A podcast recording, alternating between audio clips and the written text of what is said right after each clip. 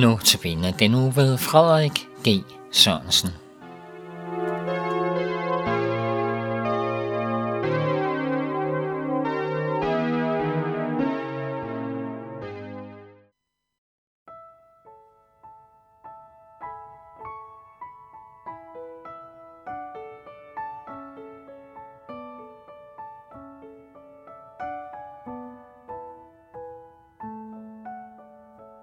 Vær priset Jesus Krist, Guds lam, knæl engle ned i bøn. Hen kongekronen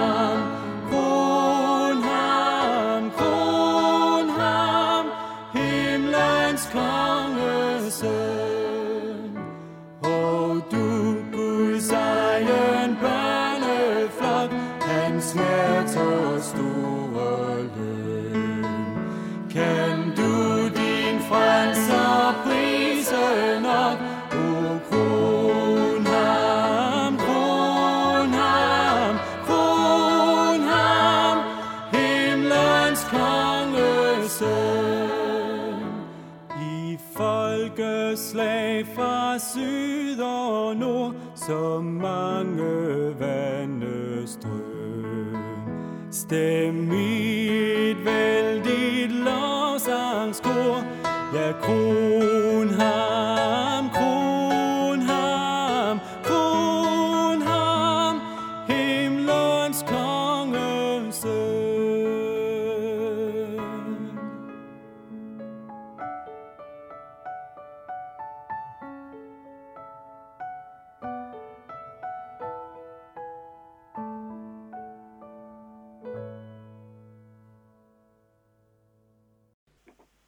Og så skal vi have en andagt om vandringen til tronstolen.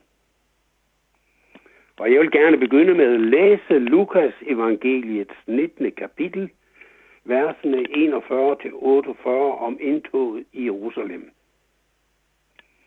Vi er nu så småt begyndt på fastetiden, påskens forberedelsestid. Og fasten har, som det allerede er nævnt, på et tidspunkt begyndt Septuagesima søndag, 70 dage før påske.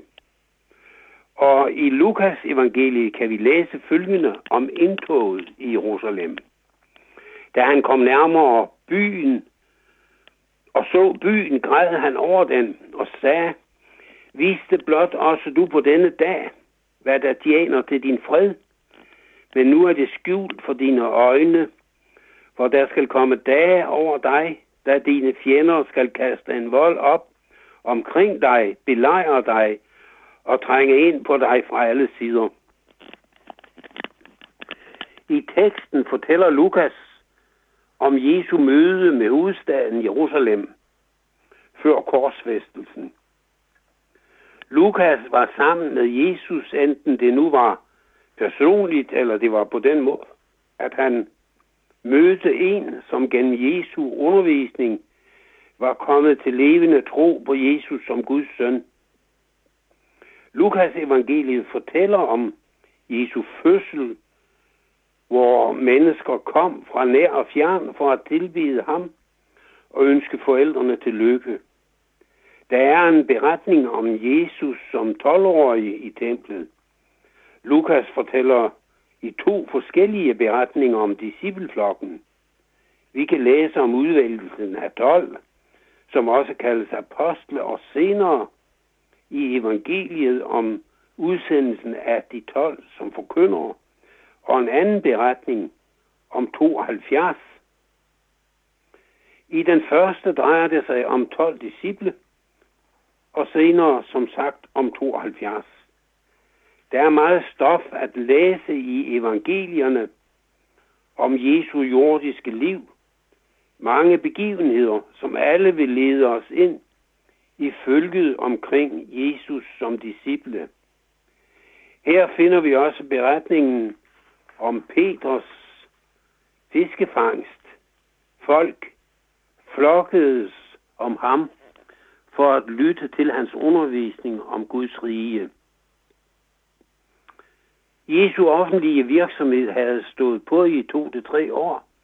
Nu er Jesus på vej mod Jerusalem, og vi går med ind i flokken af mennesker omkring ham, som om vor egen forberedelse, som vor egen forberedelse til at fejre påskehøjtiden.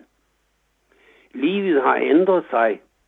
Han er på en måde så småt begyndt at gå ud af flokken. Han er menneske, men han går ikke længere blandt folket. Han går foran dem. De kender ham til synelande mindre og mindre efterhånden, som de har været mere og mere sammen med ham. Folk følger ham, men selvom han har talt om sin forestående lidelse, død og opstandelse, så kan de ikke rigtig tro det. Det er verdenshistoriens mest utrolige begivenhed, som de følger ham hen mod. Når vi efter fasttiden fejrer påske, så er vi i følge med de mennesker, som med egne øjne har set Guds utrolige plan til frelse for syndige mennesker blive virkelig gjort. På den høj i hovedstaden, som bærer navnet Golgata. Salmedækkeren Brorson udtrykker det i salmen, og lytter til i folk. I blandt andet det femte vers, min søn til noget stod jeg offentligt fremsætter. Hans pine, død og blod, al verdens synd udsletter. Hvor ret er hjertens grund på denne søn vil tro, hvor ret er hjertens grund på denne søn vil tro, skal aldrig blive dømt, men finde evig ro. Undervejs på Jesu vandring op til Jerusalem er flokken omkring ham ikke længere udpræget videbegærlige og nysgerrige, men mere eftertænksomme. Den tid nærmer sig, da himlens kongesøl skal krones. Han har flere gange talt om sin lidelse, død og opstandelse, og apostlen Peter har forsikret Jesus om, at sådan må det ikke gå. Det vil han stå inde for. Vandringen mod tronstolen på Golgatas kors for himlens kongesøn er ikke til skarernes stormende og jublende hyldestrup, som til en normal konges kroning. De udbryder ikke i et jublende kor, kron ham, kron ham, kron ham, himlens kongesøn, som vi kan synge om i en sang det er fuldstændig anderledes. Kronham råber de ikke i en fuldtonig hyldest. Nej, de råber korsfest, korsfest, korsfest ham. Han skal på korset zone menneskehedens synd. Derfor bliver tronstolen også kaldt nådestolen. Den hellige Gud har valgt at vise den faldende menneskehed nåde Jesus græder over Jerusalem. Han græder ikke, fordi han skal dø for syndere, men fordi de mange mennesker tror, at han skal dø som Guds bespotter. Dertil kommer så, at hans nærmeste venner måske nok troede ham, men det var en lille forsagt, indeklemt og modløs flok, som slet ikke kunne træde op mod udviklingen mod slutningen af Jesu liv. Jesus afslutter indtoget i Jerusalem tiljublet af en stor folkeskare undervejs. Men da han kom nærmere, græd han over byen. Han så byen som den dybeste modsætning til den hellige stad, der omtales i Bibelen. I den græske tekst er der brugt et stærkere ord for gråd, så der er ingen tvivl om, at det er de forfærdelige konsekvenser for mennesker, der lever et gudløst liv uden tro på Jesus som Guds søn, han tænker på. Jesus træder nu ind på verdensscenen for at zone verdens synd. Måtte vi stanse på vores vandring i livet og løfte blikket mod Jesus som korsfæstet og dermed sonoffer for syndere og med bøn om tilgivelse og tak, fordi vores synd bliver sonet og dermed slettet ud for evigt. En utrolig tanke, at alle vores synder fjernes, så Guds fred kan fylde vort hjerte ved tro på Jesus Kristus. Lad os følge med i skaren omkring Jesus, helt hen til korset på Golgata-højen, og tage imod hans ord på korset om, at det er fuldbragt. Så bliver vi fuldgyldige borgere i den hellige stad. Amen.